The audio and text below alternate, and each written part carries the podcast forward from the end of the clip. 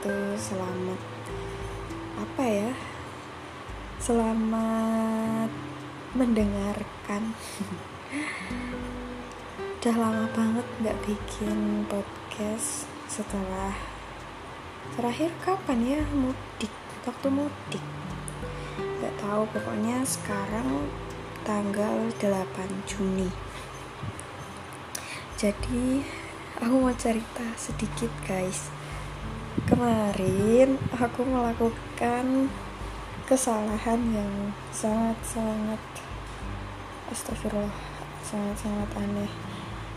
Jadi kan mandi bawa HP nah masuk HP-nya ke air ke bak terus mati deh HP-nya udah tak coba random di beras tapi kayaknya nggak bekerja langsung.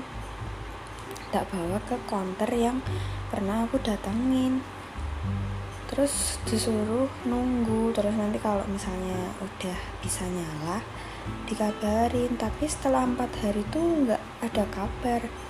Jadinya kemarin hari Senin aku ke sana dan ternyata si konter yang langgananku itu dia tuh nggak bisa. Terus ya udah dia udah sempet duh apa beli HP baru lagi? Tapi gimana ini HP baru setahun? Bener-bener umurnya tuh baru setahun. Soalnya kemarin aku beli waktu waktu mau lebaran juga. Jadi kan ya ampun masa setiap tahun ganti HP kan apa banget ya? Terus disaranin sama temanku bawa ke konter HP yang namanya Ekro Nah, di konter HP itu dikasih alamat. Udah muter dua kali ternyata konternya tuh pindah. Astaga, cobaan apa lagi? Kemarin tuh udah hampir ah, udahlah. Udahlah, besok aja udah. nggak pakai HP dulu nggak apa-apa gitu kan. Tapi berhubung aku perginya sama temanku terus dia bilang gak apa-apa sekalian tak temenin. Dia bilang kayak gitu. Terus ya udah deh. Ditemenin cari alamat itunya alamat counternya terus dapet. Terus ke sana datang ke sana. Masnya bilang udah dari kapan mbak? Udah empat hari yang lalu mas. Aku bilang kayak gitu. Terus masnya bilang waduh jangan lama-lama. Harusnya habis habis masuk ke air langsung dibawa ke sini. Terus aku bilang aduh gimana ya mas? Udah terlanjur. Iya mbak. Takutnya apa tumbuh jamur nanti susah ngilangnya gitu kata masnya. Tapi ya udah. Terus akhirnya aku bilang dicoba dulu ya mas.